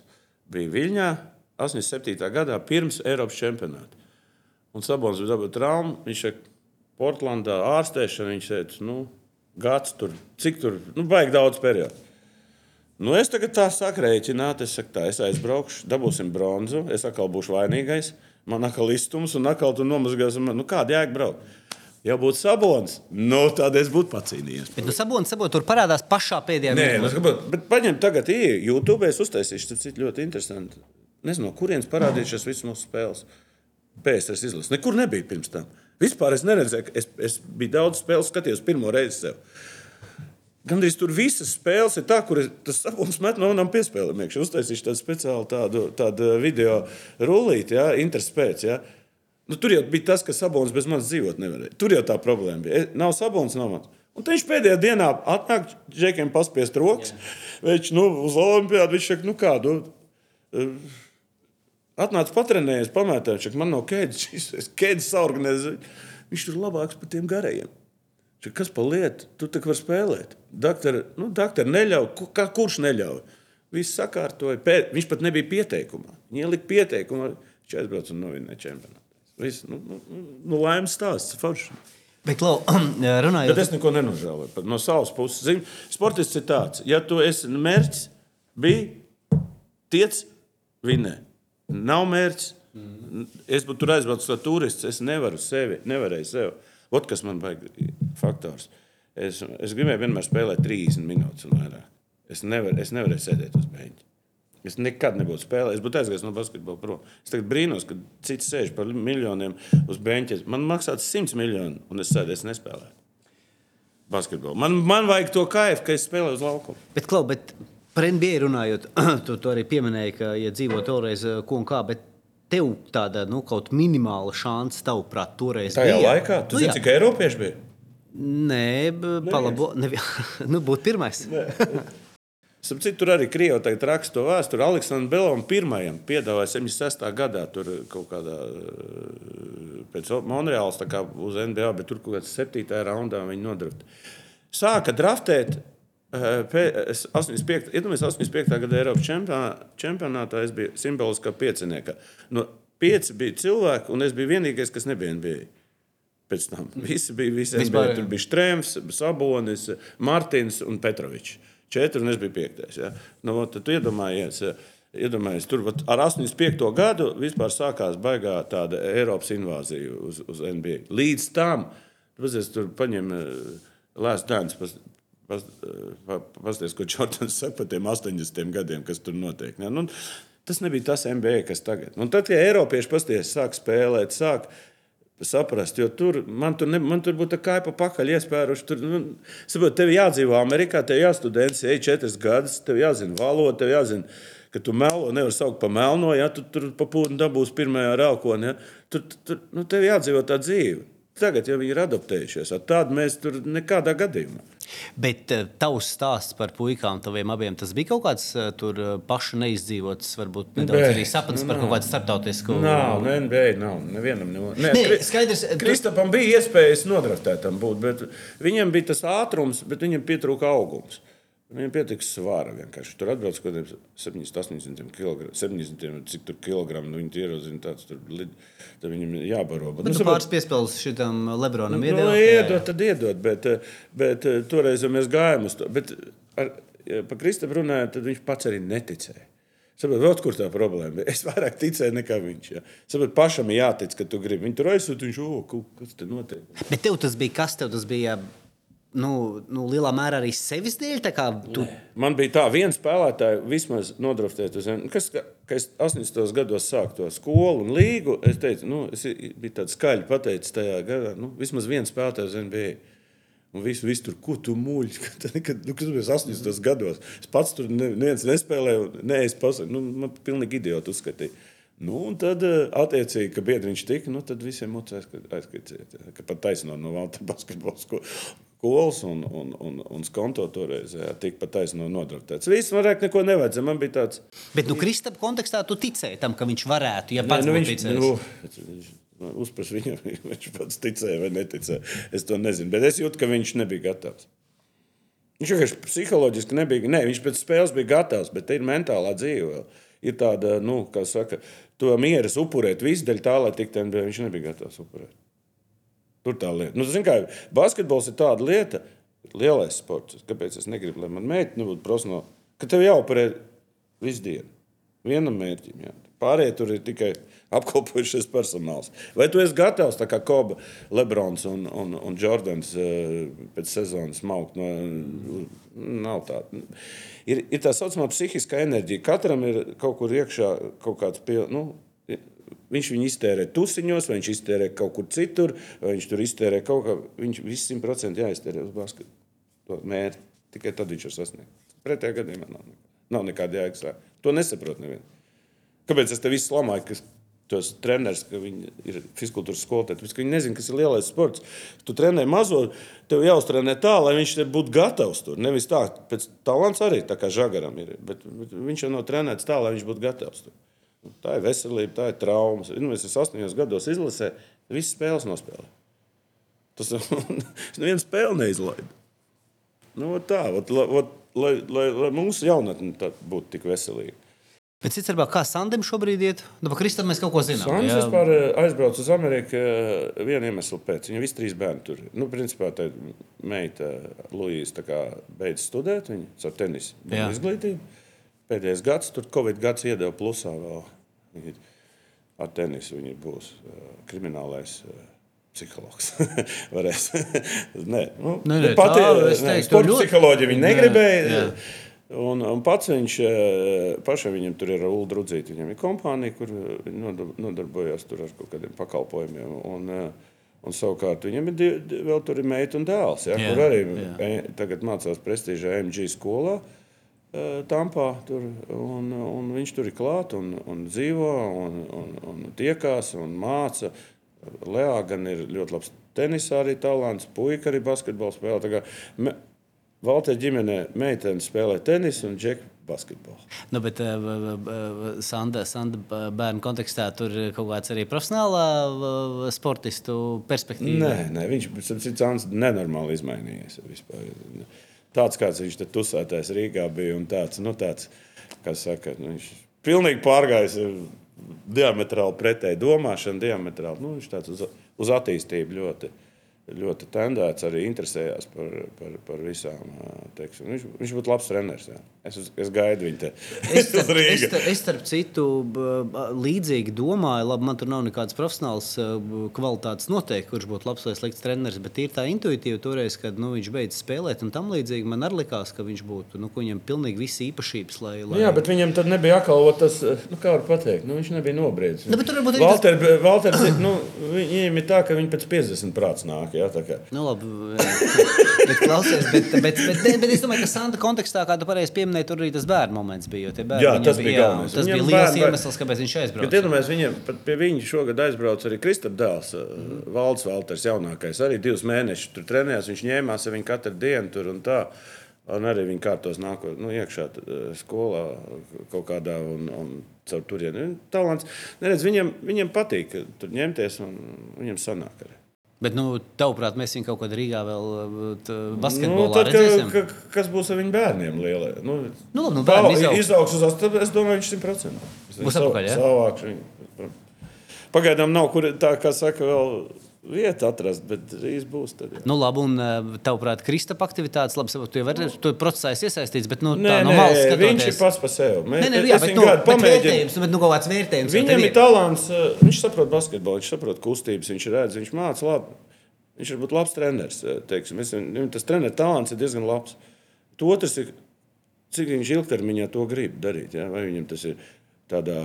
Uh, Teiksim, kaut kādā kampaņas veidā viņš pastrādā, atpūšas, pastrādā, atpūšas. Man jau liekas, ka uh, viņš arī, kas viņam basketbolā pietrūka, viņam pietrūka tā 12 mēnešu disciplīna. Ja? Viņš var pa, viņš trīs mēnešus var saņemties pēc tam atkal no atslābinās. Un tas ir viņa problēma. Pro, problēma ir viņa raksturs, ne jau problēma, viņa talants. Talants ir pietiekams, viņš strādā. Ja? To es redzu. Jā, nu, viņš grib pats savu, nu, mākslinieks uztaisīt savu akadēmiju. Un tas ir dzinējums tam, lai viņš varētu saka, tālāk attīstīt savu, savu projektu un tā tālāk. International, tur jau spāņiem, ar itāļiem viņš to visu var darīt. Un, un, saprot, viņam jāatrod pašam savs. Tik līdz viņi paņēma pie sevis, nu, zem tā tēva viņam grūtāk ir. Viņš, nu, tas, nu, tas nav sliktākais variants. Bet Bet kā tas ir no tādiem kā tavs puisis, tu pats, eh, tad, kad tu beidz to karjeru, tas eh, pirmais periods, tas kaut kāds, tas kaut kāds beigās mokas. Eh, nu, Man nebija nav, moks. Es, es ātrāk, ka tev nav tā spēle vai, vai Nē, cits ot, režīms. Visiem ir labi tēma, sportists pēc. Nu, desī, nu, depresija pēc. pēc. pēc. Jā, nu, depresija pēc. depresijas, tieši otrādi - kaut ko darīt. Nu, iedomājies, es, Es tā, ka, kad eh, pabeidzu, man bija trīs lietas. Nu, iedomājieties, man nekā nebija. Man bija tā uzcelt māju, Baltazarā, izveidot skolu un pabeigt augstskolu. Trīs lietas, ko es nobeidzu basketbolu. Man tas aizņēma tik daudz laika. Labi. Sāku kaut kādu skolu trenēt, 12 bērnu sanāca. Beigās atdevu visu basketbolu, visu jaunatnes. Es ienāku tālāk, skatos, bardaks pilnīgs. Nu, tur aizēju tur atkal bardaks. Nu, nevar tā kādu skolu spēlēt bardakā. Un tāpēc tev step by step visu laiku bija jāiet, kaut kas jāuzlabo. Piemēram, es atnāku, skatos, klausies, kas notiek. Trīs Rīgas komandas spēle un liepāja. Vispār lauka nomiruši basketbolu. Kas tagad notiek? Katrā lauka pilsētā kaut kas notiek. Septiņas komandas. Tas bija tas, ko es ieraudzīju. Un AVF es paskatījos, tur 90% no laukiem viss nāk. Rīdzinieki maz. Kur tad tie rīznieki ir? Rīznieki atbrauc uz Rīgas beigās. Visi ir eh, sākuši. Tā kā laukos mums ir tas, tas basketbola gēns, un tas ir baigs svarīgi. Kāpēc? Vispār Latvijas basketbols nenomirs, tāpēc, ka tur ir gēns. Nu, bet, labi, bet tad cits jautājums šī pat griezumā. Redz, mēs bijām par tiem 60, 70 parunājām par to, kur tur tajā brīdī ir tādā sabiedrības apziņā, vefs un tam līdzīgi. Labi, 80 man pašam ir kaut kāda, protams, tāda bērna un tāda sajūta, bet nu, tur tas dināmo kā kaut kas liels un nozīmīgs. Pie tam diezgan latvisks un īstenībā nu, pa pusē latvisks. Pa pusē, bet uz nu, otro pusi jau ar visu to Past ir... jau pastāstīja, kā, ne, ne, ne. kā tika. Protams, protams, bet nu, tāpatās ar visu to pēc tam jau vēlāk, vēlos 80. tur ar īrbu sateikšanos spēlēt. Nu, tad jā, jā, jā. Tad, nu, jā, jā īrbe, ozoliņš. Znaroks arī, starp citu, toreiz pateica, ka viņš nespēlēs. Tas bija tas, nu, gads. Nu, cits jautājums, cik viņam bija vispār iespēja tajā PSRS izlasē tikt, bet nu, tur es kaut kādu paziņojumu atceros. Bet, um, un Vefs, nu, man arī pilnīgi sajūta tāda mm, sapratne, kas tas ir. Bet 90. sākas 90. tas, ko tu saki. Broči? Sāk, sāk, ne tikai broči, bet sāk. Nu, tu zini, kā broči? Nē, bet pavisam īsti. 90. gados priekš basketbola, manuprāt, ir pilnīgi viss, lai basketbols stabili nostātos kā sporta veids numur viens un kaut kā izstumtu to hokeju ārā. Ja tā drīkst teikt, tāds savstarpējs volejbols bija priekšā basketbolam. Labi, labi, bet, nu, tomēr, tu pats minēji, tur sporta skola apjoms, tā enerģija, ar kur jūs ienākat iekšā, visi tie broči, liela nauda. Bet kāpēc neizdodas, tavuprāt, 90. gados izveidot izdodas? Līgu un visu sistēmu, bet kāpēc viņi neizdodas nostiprināt? Avo, tagad es to pateicu. Tieši nostiprināt. Nē, bet paklausies, tagad, kas VFam pietrūkst, kas bija toreiz mums? Mums bija baigs spēcīgā skola aiz muguras. Bet, ja šobrīd VFam būtu tāda skola kā Valtera basketbola skola, toreiz, kur divi džeki pabeidza un iegāja komandā un bija gatavi spēlēt, tas ir tas attīstības modelis, kas man vienmēr ir paticis. Kamēr te, tas, kas šobrīd ir jauns basketbols, nu, es pat negribu komentēt, ja, jo nav Aģenti jau 13, 14 gados jau āķē visu no, nu jā. prom. Es saprotu, tu nevari neko izveidot jaunu. Toreiz bija baigs spēcīgās. Tad, kad es spēlēju 2002. gadā ar visiem saviem audzēkņiem, spēlēju pret Vēnspili, visi vis tā Vēnspils, visi tie stipendijāti rakstīja, ka kas tā pa komandu, ko tā bija. Izrādās, tā bija visnacionālākā komanda visiem nākošiem NBA spēlētājiem, esošiem Eirolandā. Nu, visi, nu, tur bija salasīti visi no saviem audzēkņiem. Tas bija slikti, jo tāpēc, toreiz bija Lembergs ar saviem uzstādījumiem, ka jāiznīcina tas brocēns, tāpēc, ka mēs būsim, nu, viņi tagad bija. Tā, tā. tā kā, nu, tie bija tie laiki, nu, principā visu to sistēmu iznīcināja Lembergs. Ja tā godīgi sakot, ar savām avīzēm. LMT viņi nošūpoja nost, tāpēc, ka viņam apnika tā negatīvā. Visi tie jurisons, kas tagad sēž pinkuļi un strauss, viņi, viņi, tik, viņi tik maksāja un tikai visu laiku negatīvi. Viņi meklēja ūdens visu laiku un tik piļķi. Iet iekšā avīzēs, apstāties, kas tur notiek. Nu, vienkārši pasūtījums, pasūtījums, uz pasūtījums. Nu, cik ilgi tāds LMT turēs? Nu, nu, viņi, nu, es neteikšu, kurš man no tā Vēnspils pateica skaidri un gaiši, ka tika dots uzdevums. Nu, to, tos bročus iznīcināt, nu, nu, vismaz diskreditēt. Nu, diskreditēt, nu, man apnikas pabeidz visu to lietu. Nu, un ne, nebija jau tāda arī, redz, kas, kas 6. un 7. sākās tas ekonomiskais uzplaukums. Tas jau bija vēlāk. Tad, nu, Tas jau vēlāk. vot, ja es būtu to noķēris, es domāju, es vēl būtu Valters skola būtu palikusi. Un vēl kas nāca Eiropas Savienība. Eiropas Savienībai prasības kādas?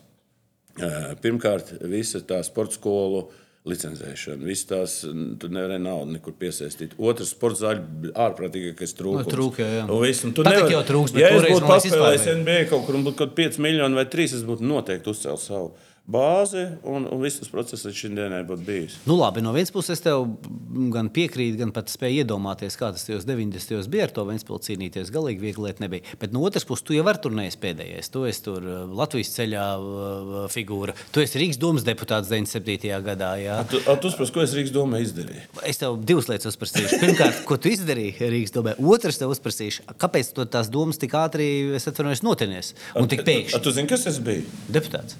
Nē, bet kas es biju vēl paralēli? Es biju bročs treneris, galvenais. Es biju, man bija skola, man bija visas sporta skolas eh, komandas. Es biju vienā gadā čempions BA, B1, B2 un, un republikas čempions eh, lielajā basketbolā. Es vienkārši. Es jau visiem stāstu, kā es, kā es vispār kļuvu par deputātu. Ot, mēs ar tevi sēžam pirtī kaut kur, Vils un, un Kehrs, tā diezgan labā kaifā. Sāk tur bumbas cilāt. un tad uh, parādījās tāda ideja, nu, ka rītā saraksts jāiesniedz Rīgas domē. Un, un, un, Nē, un, to, to tu man nestāsti, to es pilnīgi spēju iedomāties. Nē, bet iedomājieties, es teicu, man viens noteikums. Šmigā pateikt. Ielieciet man pa desmito numuru. Ah, nē. Un Balderi ielika pa 19, un man pa de... un abas ievēlēja. A, ko, es nevienu kampaņu, neko neizdarīju. šie- Un Latvijas ceļam nekad tur nav. Tur divas balvas bija, un viņi dabūja deviņas balvas. Mēs dabūjām mēru. Jā. Man te tur iedeva kaut kādas komisijas. Es, es to ieradu. Nu, man tur bija jāiet. Nu, visi tie Ždanoki tur bija un Plīners tur sēdēja. un Man liekas, Miksa. man liekas Es biju- uh, Roberts Zīle, tur bija baigā kompānija toreiz. Nu, es sēdēju tajā izglītības komisijā. Nu, tur vajadzēja zināt, automāti paņemt. Un tā bija pašaudīties. Nu, vispār nu, diezgan smaga, smaga publika. Bija. Nu, labi, bet kontekstā par kļūdām. Bet, zini, ko es izdarīju? Es izdarīju vienu. Es teicu, nu tā, paņēmu kopējo to ainu un pateicu, tā, kas ir vajadzīgs Rīgai. Rīgai ir vajadzīgs sporta zāles. Toreiz mēs salauzām to sistēmu. Ar bērziņu un ārgā palīdzību salauzām sistēmu, uztaisījām projektu un uzlikām plānu trīs zāles gadā. Sporta zāles pie skolas. Viss tas projekts kā aizgāja, pasties. Visās skolās tagad ir zāles. A, ja toreiz tas nebūtu, tad būtu mazās. Atnāca Džeks tāds no, no tās tur kaut kāds tur ierēdnis. Saka, nu, mums te ir tāds projektiņš, zin, ka tie iemet bumbu grozā, a galvu pret sienu. zin. Es tādā esmu izaudzis Agnēs Kalnu gimnājā. Jā, bet viņiem uz pa, pa vidu divas Es jums saku, kāpēc nevar taisīt moderns projekts, kur meitenes var iet dušās, kur var tu labi salauzām, palaidām. Tā kā arī tur var izdarīt. Bet, ja vispār runā par kļūdām, tu to uztver kā kļūdu, ka tu tomēr aizgāji. Es vienkārši papildinu līdz galam, pateikšu, kāpēc es jautāju. Jo no otras puses, manuprāt, tas ir tāds kaut kāds īstais brīdis, kad teorētiski nu, tiešām varēja to situāciju pārlaust, lai mums tur veidojas uz to brīdi kaut kas līdzīgs, kā šobrīd ir lietuviešiem. Ja, kur tas. Tie arī 90. gadu otrā puse. Lietuvai arī. Naudas jau nebija. Nu, zini kā, nu, Žalgīrim toreiz arī naudas. A, kas Kalmanovičs atnāca ar lielo piķi? Nu, atnāca. Viņš ienāca. Nu, A, kur- atnāca. A, kas tad žīdam bija nauda? Viņš vienkārši, tu pats saproti, eh, eh, vienkārši gribēja ieguldīt. Bet, Vienkārši. tava doma neviens ir tāda, ka ne, tas- neviens uz bročiem neatnāca. Bet, neieguldīja. bet tava doma, eh, ja es pareizi saprotu, ir tāda, ka, ja nebūtu atnācis Kalmanovičs, ej, nu vēl sazina, kā tam Šur būtu. Mēs viņus taisām pirms tam, pirms Kalmanoviča. Arī tad, kad mēs spēlējām, mums bija 200 tūkstoši latu uh, uh, budžets, viņiem bija 3 miljoni. Tas ir eh, pirms tam. 99. gadā Nu, mums tā kā bija tā Eirolandes viņi kļūst par jā. Mēs trīs spēlējām to gadu, un trīs mačos. Vienreiz Dubajā, Nebela finālā, divu punktu zaudējām. Mums bija visi mači tādi. Nu, saprot, mums bija Holdens, toreiz bija, bija, bija Grāfs, jau tāds, jau, jau, jau nu, bija Šnēps, Kelmans. Nu, bija laba komanda. Laba komanda. Bija laba komanda. Un, un, un, Bet, saprotiet, Edgar, kur tā problēma? Es saku, toreiz bija baigi labais tas, tas, nu, tā, tas saturiskā puse, bet galīgi nebija finansiālā puse. Nu, galīgā pakaļā. Nu, tu zini, 90. gadi, kas tur varēja būt. Nu, nebija jau tad cilvēki palika bagātāki, un palika, nu, vairāk investēja, jau palika fanātiķi. Tad, Nu, toreiz vienalga būtu kaut kāda tāda, kas mūsu laikos bija cilvēki. Es nezinu, tā sistēma būtu dzīvojusi un vēl ilgi būtu salikuši citus cilvēkus un būtu darbojusies. Viss. Jo bija jau tie jaunatni. Būtu porziņš izgājis, viss būtu izgājis ar maniem. Nu, kur viņi būtu gājuši? Viņi būtu gājuši ar bročiem. Viņam 15, 16 gadi viņš būtu nācis pie bročiem un spēlējis un būtu trenējies. Visi būtu gājuši cauri. Nu, aprūpīgi, neko darīt. Visi jau saka, tu kāpēc tu aizgāji? Ļoti vienkārši. Tu pateici, kāpēc es aizgāju. Bet, starp citu, es baigi gribēju nevis bročus, gribēju vēfu.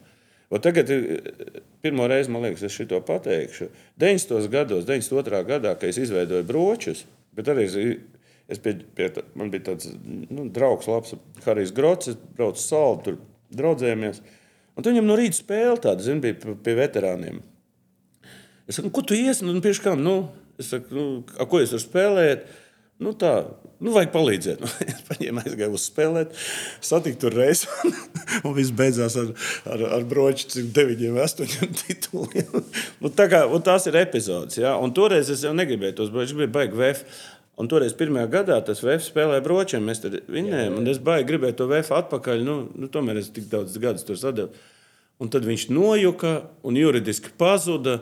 Un viss, un es tā pie viņa netiku. Nu, jau, bija jau broči, bija jau. Jā, un, un, un kāda jēga vēl ar bročiem neiet kopā. Jā. Toreiz tas vēsts, tad gan, būtu turpinājums, un tad tu jā, varētu savākt. Bet kaut gan pēc tam jau tā komanda, kas bija bročiem, nevis tā pirmā, man liekas, bet tā otrā, trešā, nu tas jau faktiski bija arī tas nu, saturiski. Jā, tur jau tie spēlētāji, visi jau bija tie paši pēdējo gadu VF spēlētāji. Mm -hmm. Tur tas, tur tas bročs pirmais iesaukums. Nu, vēl kad ir slavenā spēle bonus. Jā, jā, tur jau sākās tas. Jā.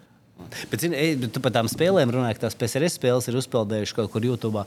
Es te pie netīšām kaut kā redzēju, redzēju to statību. Nē, es redzēju, es redzēju citu, es redzēju laineri ar, ar bonus laiku. Ar Rīgas laiku? Kur es piedod, piedod, laineri. Jā, Rīgas laiku. Kur es spēlēju? Ja? Kur tu spēlēji? Un es jau sākumā skatos, tu man liekas, kaut kāds pusfināls. 3, 8 gadi. Nē, man liekas, ne, viens. Ceturtdaļfināls. Viens, Es saprotu, jo majo. Kas pa līmeni? Ceturdaļ finālā tāds līmenis, pārpildīta zāle, tās emocijas. Ceturdaļ finālā.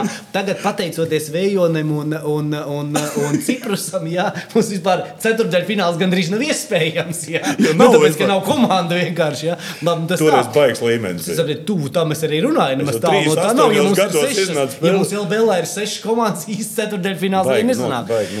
Toreiz es saprotu, es nostījos gandrīz visu to spēli bija tur pārtiņa, to otro, otro, trešo, ceturdaļu, bet to pirmo un pēdējo. Nu, nu, baigās emocijas. Es kā zināju, vienmēr to, to, to faktu, un tā, bet to spēli visu laiku baigi ilgi tas bija. Vēl jau, kad bija, kad bija ASK, Nē, nu, protams, jā, ASK jā, mēs jā. bijām kopā. Jā. Un, un, Un uz VF jau sāka pazust. Jau, jau. Ne, nu, vi, vi, vis, vis... Bet, šeit, bet šeit, ja mēs piestāmies izlasē, tā mana sajūta, es arī daudz domāju par to, kāpēc pazuda. Man sajūta, ka, protams, tas 2009. gads ar tām diskvalifikācijām lielā mērā iedod kaut kādu tādu vi, tam līdzjutējam, lielā mērā tomēr noskaņojumu, ka tādu. Nu, Tas līdzjutējs sajūta kā nodots kopumā no basketbola. Es nerunāju par vienu vai otru spēlētāju, ne, bet tā kopumā. Jo tās cerības tajā 9. gadā, nu, ka tagad būs atkal savācās, viss tā komanda tik laba un, un tagad vai nekad. Jā, nu, būtu Blankai būtu pavisam citādi. Es ne par to ļoti iespējams, bet es principā saku, un manuprāt, un manuprāt tajā 9. gadā nenormāli kaut kas salūst. Un šeit es tev vienu jautājumu gribēju uzdot, varbūt nedaudz pieejot pie izlases tādiem pāris lietām, kas man interesē. Tavuprāt, tā 9. gada diskvalifikācija, tagad jau ar tādu nogriezienu skatoties tos, uz, to, uz to lēmumu, tavuprāt, pareizs lēmums? Jā, nē. Man jau gribētos, lai tāds strēlnieks ar Bertānu izkonkurē tādu Valteru ārā no komandas. Vienkārši izkonkurē kā spēlētājs, nevis viņam iedod eh, zaļo gaismu, ej, nu, visi nomirst, mm -hmm. vai ej spēlē. Jābūt paudžu pār, pārmaiņai. Nu, kā, pārmam, pārmantotībai. Saprot? Nevar tā, ka vienkārši kaut kas nomirst. Nu, tur, tur vienkārši pēc spēles tie, tie paši būtu ieguvuši. Tie spēlētāji būtu ieguvuši, ja viņi būtu konkurējuši vairāk. Es vēlreiz saku, ka mums lielākā problēma ir treneros. Vienmēr, un Bjanki to parādīja, ka viņš ne ar kādu sastāvu. Vēl sazina piekto vietu dabūjis.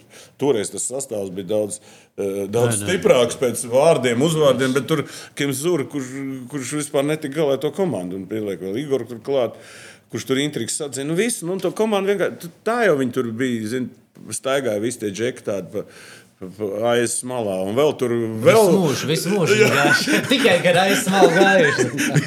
un vēl tur piemet vēl oglītes klāt, un viss tur sprāg. Un, Un viss tur ārprāts. Nu, tur nebija līderi, kas tos čaļus savāktu, bet tur bija kapātāji. Viņi, tur bija, viņi jau tur gāja un spēlēja. Neviens jau nepārmet par to. Viņiem jau tā uzvedība bija vienkārši nu, tāda, tā, nu, bišķiņ, bišķiņ vairāk nekā vajadzēja. Tad nu, šitie dzer, šitie dzer tāpat. Tikai mazāk un citās vietās, un pakluso. Un pakluso jā. Tad nu, nav jau tāda dzeršanā problēma. Dzer visi, un, un kad vajag, kad nevajag. Bet, bet, bet šī tā ir paudze pavisam jau cita. Nu, to lēmums. Nē, nu, ja ir tāds lēmums, tad viņš droši vien bija pareizs. Nu, nezinu, man grūti pateikt. Ne, jo man personīgi tajā mirklī, kad tas lēmums uh, tika izziņots, es arī tāds uh, ļoti duālām sajūtām biju. Šobrīd, jau atskatoties, nu, kā, nu, nu, neies, ne, ne, nu, neiespējami to lēmumu kritizēt. Vienkārši liekas, tur biedriņas, nu, viss tur norak veselu paudzi. Nu, nu, nezinu. Man, Man, es, biedriņš ir. Nu, bet, tas... nav, bet nav vers, nu, vismaz tiesības uz dzīvu versijai, ka tieši tāpēc arī tā nākamā paudze, vai nu, jau nākamā un nākamā nu, paudze, domā, tieši tāpēc ir nedaudz nu. Kas tad porziņš labāks par viņiem? Ar ko viņš labāks? Viņš vienkārši viņam vairāk naudas, viņš vairāk var slēpties. Nu. Bet pēc būtības, ja viņš. Nu, ja, ne, nu, liepā, nu, atceramies, atceramies, liepā. Nu, ko ir runa? Nu, vai tad ir kaut kas mainījies? Nu, nekas nav mainījies. Tur tāds kadrs bija, kad iznāca tā, visu atkal, atkal sākās. Nu, tā, ir visi to dara. Jautājums tikai tagad, tikai kamēr visur aiz tevis ir priekšā pakaļā. Jā, nu, tev var nobildēt, tev var izlikt ārā jau rītā. Tas. Bet nekas jau te izlasē baigi. Bet 9. gada tā dramatiskā izgāšana izgāšanās, eh, tavuprāt, tīri treneru nopelns? Ne tikai nu, tur pastāstījis, puisis nezināja, cik attiecības jābūt. Nu, toreiz tas 8, 9. Jā, jā, jā, tur ļoti labi. Tre, nu, Kemzūra bija kļūda. Es vispār, toreiz, ja tu pats biji tur klāt, tu redzēji, kā tās treneris. Tu, tie, kas noteica to kārtību? Noteica kaut kāds biedriņu aģents, kas jā, būs treneris. Nu, nu, nu, Tu jau zini, kā, kā, tas, kā, kā tagad tā treneru izvēle notika. Tad vienkārši nu, arī bija konkurss. Nu, ja būtu tabaks tagad eh, treneris, tad domā, ka Latvijas izlase būtu tikus pieciniekā? Nekad mūžā. A, a, a, kāpēc tā Bjanka ir ļoti labi? Nu, tas ir maz nianses. Ja. Bet klausies par, par, par izlasi vēl, bet, nu, dzirdot arī, ko tu saki, nu, mēs varam teikt, Banki, nu, tas ir visu laiku labākais treneris, kurš Latvijā ir bijis. Nu, paklausies rezultāts. Nē, nu, visu laiku labākais treneris tur izlasēja nu, tieši tā rezultātā. Bet, nu, tā, ja mēs paskatāmies pilnībā uz jebkas, kas Latvijā ar basketbolu strādājis, tavuprāt, arī vēsturiski. Nē, nu, visi jau teiks, ka Krauliņš jā, jā, tāpēc, ka viņš tur nu, viņš visu laiku tur ir bijis, viņam tie panākumi bijuši. Tā grūti pateikt. Nu, lai Bjanki vēl tiek uz Olimpiādu un Eiropā 25, tad mēs viņu nosauksim par labāko treneri. Klausies, Žagaram, tavuprāt, tāds pats potenciāls kā tev? Nu, viņš ir ļoti interesants puika, bet nu, Es, es vispār man tāda ideja ir salikt viņu plusus un manas plusus, un, un, un manas mīnus un viņas mīnus. Jo man krievis zvanīja un teica, ka krieviem rādīja tos mačus, visus, nezinu, kāpēc, kādā sakarā. Un viņi teica, ka tas žakas beigas līdzīgs tavai. Ne, man, man savukārt, kas liekas, es atkal tur pasakāju, Dievs, nesākšu runāt par, ka es kaut ko tur varu novērtēt laukuma kontekstā. Bet man atkal tā sajūta ārpus laukuma savā ziņā, nu, tas, tas, tas kaut kāds tāds nenormāls maigs un kaifs, ar kādu viņš vienkārši runā pēc spēles par situāciju. Nu, Viņam nav viņš nekas nebija. Ja? Un tas man gan liekas ir ļoti līdzīgs tev. Ja es skatījos tur bildes kaut kāds 80. gadu, ka jūs tur sēžat pēc tam sezonas. Nē, bet nopietni, tas man liekas. Nu, tur ir kaut kas ļoti līdzīgs. Nu, labi, nu, tā plus, tā ir nu, otra puse. Tas talants. Psiholoģiski viņam, viņš ir ļoti labs čalis. Psiholoģiski viņš ir stiprākais komandas spēlētājs. Psiholoģiski vispār. Uh, Ja viņš būtu vēl, viņam būtu tā veselība, ja, es domāju, viņš, viņ, viņam panākumi būtu ļoti lieli. Ja. Bet līgums uh, noslēgtais, tavuprāt, pareizais? Es, es vēlreiz pasaku, ja, tie aģenti jau, aku, tie paši aģenti bija noslēguši Badalānu. Nu, viņš pēc U18 bija piecreiz populārāks kā šodien. Nu, labi, nu, nepārspīlē, bet. Nu. Es tev, ne, es tev izstāstu, ka U18 tu tieci. All-Star. Nē, nē, skaidrs, skaidrs, protams, tas ir daudz. Visi 32 komandas. No, bet tagad iedod, bet tagad iedod visu laiku visvairāk piespēles pasaules nu, čempionātā. Iedod vien, ne, bet saprot, zin, kas ir man jau tā kā es kļuvu par Eiropas labāko, man uzreiz pienāca klāt tāds Mihails Davidovs, labākais tiesnesis Krievu vēsturē, PSS vēsturē, un viņš man teica, valnu Viņš saka, vienu turnīru visu var nospēlēt. Nu, jā. Viņš saka, bet, ja, kad tu nospēlēsi nākotnē, tev viss tos pašs tāpat jāspēlē. Tas tāpat kā es sev vienmēr esmu teicis, nu, tur eh, vienai sezonai naudu basketbolam, nu, es negribu teikt, ka visi, bet daudz var savākt. Bet, kad tev ir jāsvāc 15 gadus, jā, tad tas ir kas cits. Klausies, labi, vēl nedaudz pīzlasīja. Bertānam bija jāmet. Jā, nu, to jau arī Gražulis pateica man intervijā. Viņam Nu, labi, Gražulis, tu ko Nē, domā? nē. Gražulis Nu, labi. no- Es dzirdēju, arī, ko Banki pateica pie Reidera, bet tu ko domā? Nē, nu, nebija jau viņam citu variantu. Ja tur būtu 15 sekundes vai Nu, bet 10. labi, bet tajā brīdī, kad viņš saņēma atdot uzreiz žagaram. Žagaram, bet tur jau nezinu, kāda opcija būtu. Jā. Nu, pirmkārt, viņš nekad nedod. Ja viņš, viņš, viņam tā piespēle nav stiprā pusē. Tas, Nu, labi, bet viņš nu, viņu dri- arī neredzēja. Bet, Otrs, nu, labi, viņam metien, bet labi, nu, metiens pēc dribla arī nav viņas. Man interesē, kad viņš saņēma to, viņš paskatījās uz to. Uz to. Skaidrs, nu, sekundē. uz priekšu. Vai viņš tikai driblēja? Okay. Tas ir jautājums. Ja viņš novērtē, zin kā, bija jau tā, ka uzmet, tu jau nezini, cik tas laiks.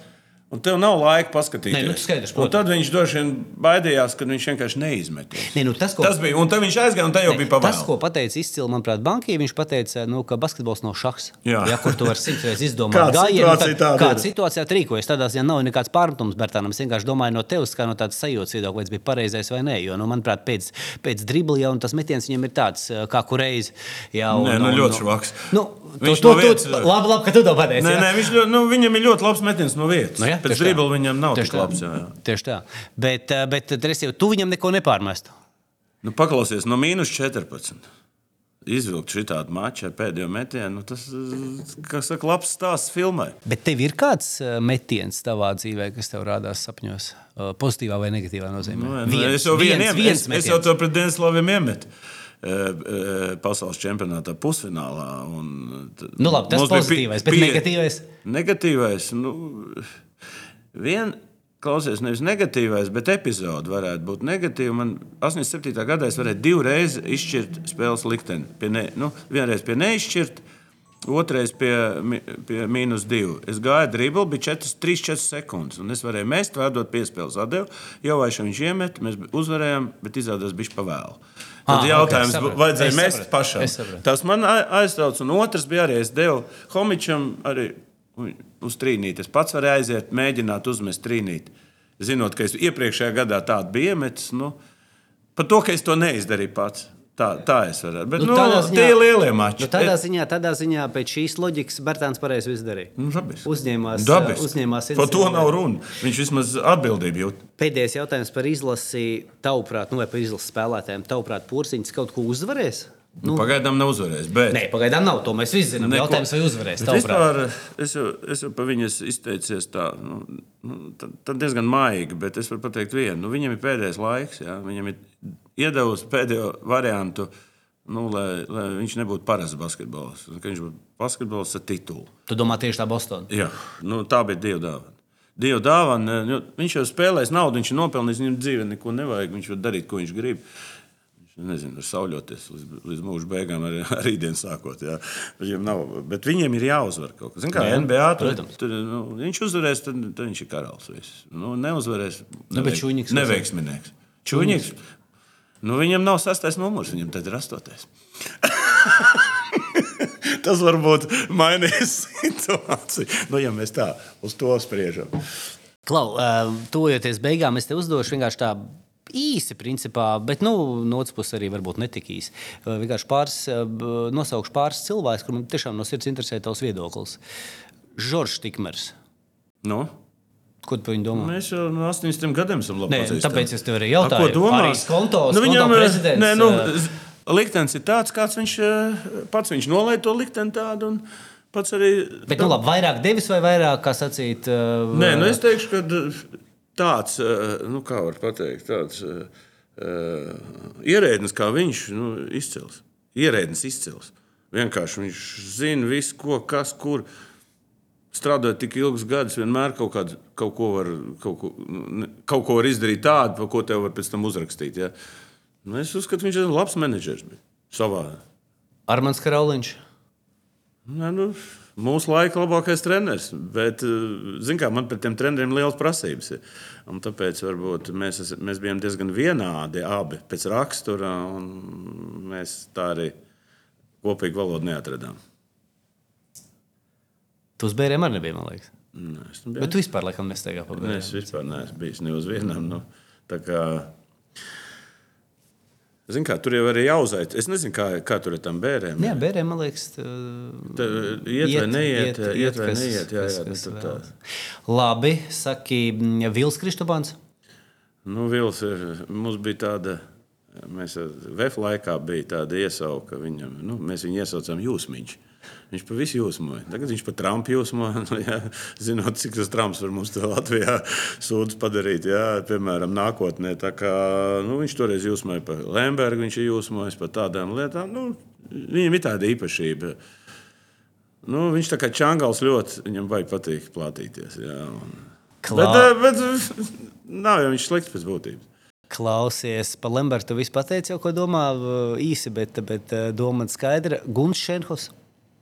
Nu, tas čels vispār nonācis nepareizā vietā, nepareizā laikā. No basketbola nekāds sakars. Viņš, viņš principā ieņēma to manu vietu, kura man bija visu laiku. Es viņu savā laikā paņēmu tikai tāpēc, ka viņš tur kaut kur parādījās, viņš kaut ko gribēja, viņš tur iesāka. Pag, Tad viņš viņš... nošķīla nost man bērns no Nu. Kristapānu skolu, Bet tā bija viņa ideja, nevis vīļa izrādās. Tā kā viņš gribēja. Jā, nu, un- zinot, Gunti, es tam pilnībā ticu. Nu, jā, bet uh, tu zini, es vēlreiz esmu Edgar, arī kas saistībā ar VF. Ja es neesmu vajadzīgs, es, es, nu, ja es redzu, ka neesmu vajadzīgs, bet es redzu, ka es tur neko nevaru izdarīt, es eju prom. Man, es, neredzu, ja es neredzu to tālāko mērķi, es nav jēga tur, nav jau tie gadi vairāk, ka tu pa katru gadu tev jācīnās. Es savu, kā teikt, 15 gadus nopašīju jaunatnes basketbolā, es domāju, pietiekami atstāju kaut kādu, kaut kādu savu uh, savu pēdu atstāju, un man ar to pietiek. Es negribu tur līst visu mūžu un tur zini, kapāt no rīta līdz vakaram. Tu pats zini, ko tas nozīmē. Nu jā, Cīnīties par, nu jā. par katru lietu. Vēl, vēl divi cilvēki. Ojārs Kehers. Nu, jā, ar Ojāru mums ir ideāls attiecības šodien. Mēs, mēs esam tā kā. Viņam ir tas, kas man nav, un, viņam, un man nav tas, kas viņam. Un mēs tā, kā teikt, runājot, vienmēr viņš uzklausa man tur, kur. Un tā kā viņš runā par tādām lietām, tad es viņu uzklausu. Un tā kā- Bet viņš grib ielīst tajā manā tēmā, un, un es mūžīgi viņu oponēju. nu, tā man sanāk. Bet, nu, bet, bet no Rojāra, tu, protams, nu, tā Mums arī- bija ļoti labi. Teikt, O- Ar jūs jau Ojāru mums ļoti ilgi mēs ar to basketbolu principā arī kopā izvilkām. Viņš, viņš izvilka.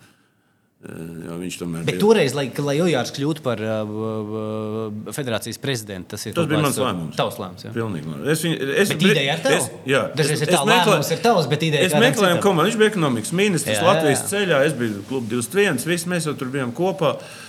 Viņš pats bija basketbolists. Nu, un, un, un, kas bija interesanti, viņš bija, bija gatavs uzņemties to. Saprotiet, zin kā, cits Es ēma man saprotu, tur. Un viņš cepur nos līdz galam, viņš aizgāja pilnīgi tā, ka Nē, mans viedoklis arī, ka tā bija. Ojārs viena- ļoti labs. tā Viņš arī tagad bija- noderētu. Tas cits Viņš jau tagad noderētu Bet, nu, ka viņš tanīs gados bija izšķiroši jēdzīgs, es piekrītu. Pēdējais jautājums par cilvēkiem. Jānis Gailīts. Toreiz, kad tu viņu parakstīji kā, kā tehnisko menedžeru, kurš pēc tam izrādījās vēl noderīgs. viņš jau man spēlēja. Es zinu, vēl viņš man gadus. tehniskais Jā. un treneris. Jautājums sekojoši tev. tev Labi, sāksim ar to, ko tu par viņu domā. Nu, tu klausies, tad, tas ir mans audzēknis. Jā. Tad, kad es viņu paņēmu pirmo reizi uz treniņu, Šenhovs man teica, no viņa nekas nebūs, ne treneris, ne tas, nekas. Es teicu, nu, paskatīsimies, nu, ko mēs redzam. Bet mēs redzam, Viens no labākajiem. Nu, viņiem, mēs viņiem, ir, ļau, viņiem, ir, da, viņiem ir daudz trūkumu. Bet mēs uh, redzam šobrīd vienu no potenciāli labākajiem Latvijas treneriem. Jā, bet ar to izlases treneru, tas ir. Viņš kluba treneris, ok. Viņam ir, kā teikt, eh, nu, tas pats, kas man bija, pārāk emocionāls. Jā, nu, nevar. Viņam Nu, bet viņš ir jauns. Nē. Viņam jāsāk mācīties, ir lietas, kuras ir labas, nu, kā saka, sev savaldīt. Viņam pietrūkst tādu bišķiņu, nu, kā teikt, motivācija, ok, tu vari iedot ceļiem, bet kaut kā jāmāk savaldīties. Ja? Un Tas viņam jā, jāiemācās. Bet tā sapratne, funkcijas, spējas redzēt visu, viņš ļoti labi redz laukumu. Viņš labi. Saprotu, viens no tiem bija, es nezinu, tad, kad viņš pirmo gadu, man liekas, zaudējis, jo tad zvanīja jūs, un teica, tikai nemainiet Jānis. Tur bija tāda, ka viņš septītā spēlē zaudēja, man liekas, Valmierai. Bija, jā, un es teicu, nu, tikai nemainiet viņu nos. Viņš bija, nu, nu mala, vismaz, es, es nezinu, vai jūs to sadzirdējāt vai ne. Nē, Bet nē, es, nu... es nezinu, kam es Ivaram zvanīju, vai kam es teicu, nu, tikai nemainiet viņu. Un, un, un, mēs tagad redzam, viņš ir ļoti labs treneris. Nu. Nu Jā, es varu būt trīs vārdus no savas puses par viņu. Zinām, par to tev baigais paldies toreiz, ka tu viņu kaut kā ieraudzīji. Jo man liekas, nu, viņš, nu, kā saka, nu, tāds, tā kā mēs runājam par to atjaunoto vefu. Tad, eh, tad, eh, tad nu, viņš tas diegs no tās pirmās dienas līdz šodienai, un es pieņemu, ka vēl kādu laiku priekšā. Viņš ir viens, vienīgais tur palicis. Nē, nu vēl varbūt tur ir ne, nu, tādā komandā, Jā, jā, kas ir vienīgais. vispār bez jautājumiem. vienīgais, eh, vēl, vēl mēs tur pāris esam, bet, bet nu, viņš ir, nu, tā kā sacīt, nu, zini, tāds, tā kā tāds ne tikai tāds baigais stabilitātes garants kaut kādā mērā, bet arī tāds kaut kā, tā kā, tā kā tāds, tā kā tāda bāka, ja, kas tā kā kaut kādā ziņā. Ne, tas vienmēr- ir labi, ka jūs esat. Viņš ir tāds, nu, kā var pateikt, ja, nu, vismaz, uh, ieraugot viņu, tad ir kaut kāda pēctecība. Ja. Nu, tā, kad viņš ir tur un, un viņš vēl ir tagad, nav, jūs tur nemaināt kā zeķis, viss, un, un, un vajadzīgi tādi cilvēki. Bet nu, pēc banki, un tas brīdis jau pienāks. eh, Būs sūdi. Tad, Būs tad, sūdi. tad šī ir ziņa, ka Jānis tajā brīdī nevajag pretendēt. Es, es Jānim neieteiktu Latvijas izlasi. Viņš nav Latvijas izlases treneris. Bet starptautiski. eh, Viņš, cik tu... tu- ne, viņš ir kluba treneris. Starp citu, izlases un kluba Nu, treneris. es Pilnīgi protams. jābūt spējīgam. Nu, ko tu pa, palasīji, ko Ciprus teica par Bjanku, kad viņš bija jauns? Nu, tas pats, nu, viņš pilnīgi neko nesaprata. Ta- Te, jā, te jābūt vecākam cilvēkam ar pieredzi, ar aerolīgas pieredzi. Nu, kas, un otrs, ir, te nedrīkst būt latviešu treneris, jo latviešu treneris skatās uz latviešu spēlētājiem citādāk. Ārzemju treneris, gudrs treneris skatās, un to Bjankai parādīja. Viņš paņēma tās labākās īpašības, nevis tās, kas tur no jaunatnes ir sakrājušās pa katru spēlētāju, vai kaut kādas intrigas, tur, vai viņš tur ir dzērs, vai viņš ir to saprot. Tā iekšējais tirgus mums tas galīgi, tas ir tas spēks. Pēdējais jautājums, klausies Valčā. Jautājums no vefiešiem. Mums tāda rubrika, ja? Uh, jautājums no vefiešiem. Uh, 65. sezonā mēs tev kādā spēlē klātienē redzēsim. Droši vien es esmu basketbolā atgriezies, man ir sava skola, bet tu nekad ne- neesi paprasījis, ko es tur daru. Tas arī labi. Tas ir otrais sērija. Jā, būs otrā sērijā. Bet, nu, Mēs šodien pa vēstures. tas ir tikai pa, tu, tur ir zinātnīs fa- faktors. Tur būs ļoti. Es vispār atgriezos dēļ, uz uh, vispār basketbols atgriezos dēļ zinātnes. Tā, es pētīju, man ļoti patīk pētīt situācijas. Nu, ot, un man te vesels interesants pētījuma programmas ir, un es tāpēc atgriezos. Man interesē tā attīstība, kā jātrenē, cik daudz jātrenē, kā, kā jātrenē, kas viņš ir un kā, kā viņam attīstīties. Jā, nu, tas man interesē. un Tas ir, to es arī, tas, tas nav tāds ātrs darbs, bet tāds ilgs. Es, tos 12 gadus, ko es biju prom, es ļoti daudz lasīju. eh, Amerikā visos šos pētījumus eh, par, par specializāciju, par treniņšanas metodikām, par, par ģenētiku, kā iedarbojas tā tālāk. Tā tālāk. Nu, man tāda bāze salausies, nu, es tagad gribu to realizēt Latvijā. Nē, ne, tas nekāds saprotu. eksperiments. Tas viss nozīmē. Bez- bez- bez te negatīvas beidz. Eksperimentus mēs netaisām. Klausies, labi, bet es tad no tevis sapratu, ka. Nu, vajag, ja vajag, Nē, nu, ko nozīmē vajag? Nu, skaidrs, Ja ložā Nē, vieta pagaid, būs, es Pirmkārt, atnākšu. ložā vieta atradīsies vienmēr. Otrkārt, nē, bet bez, bez mūlēšanas. Lai, uh, lai kāds mums būtu bijušas attiecības kaut kad ar tevi, man visi cilvēki, kas kādreiz jautājuši, teikt, es teicu, klausieties, tur Vefs bez Valtera, manā izpratnē, nav tu iedomājams. atdos man? Vienkārši nevar. Gleznu. Tu zini, visus šos gadus tā glezna fucking ir nokarājusies, jā, vietā, kur es viņu katru dienu redzu, nestoties uz to, ko. galvenais, uh, Andris arī atnāk ar bildi un rāda. No, no. Labi, visi saprata. Es te uzaicināšu īpaši uz ložu, izdomāsim spēli ar Rīgas zeļiem. O, ar Rīgas zeļiem. Jūs arēnā spēlēsiet? Viņi spēlēs arēnā. Nu, mēs jau nevaram atļauties spēlēt arēnā. Pilnīgi visas spēles, bet uh, Rīgas zeļi spēlēs arēnā. Tur es tevi uzaicināt. 50 punktiem vinnēt. gribat? Paldies! Nav par ko. davai.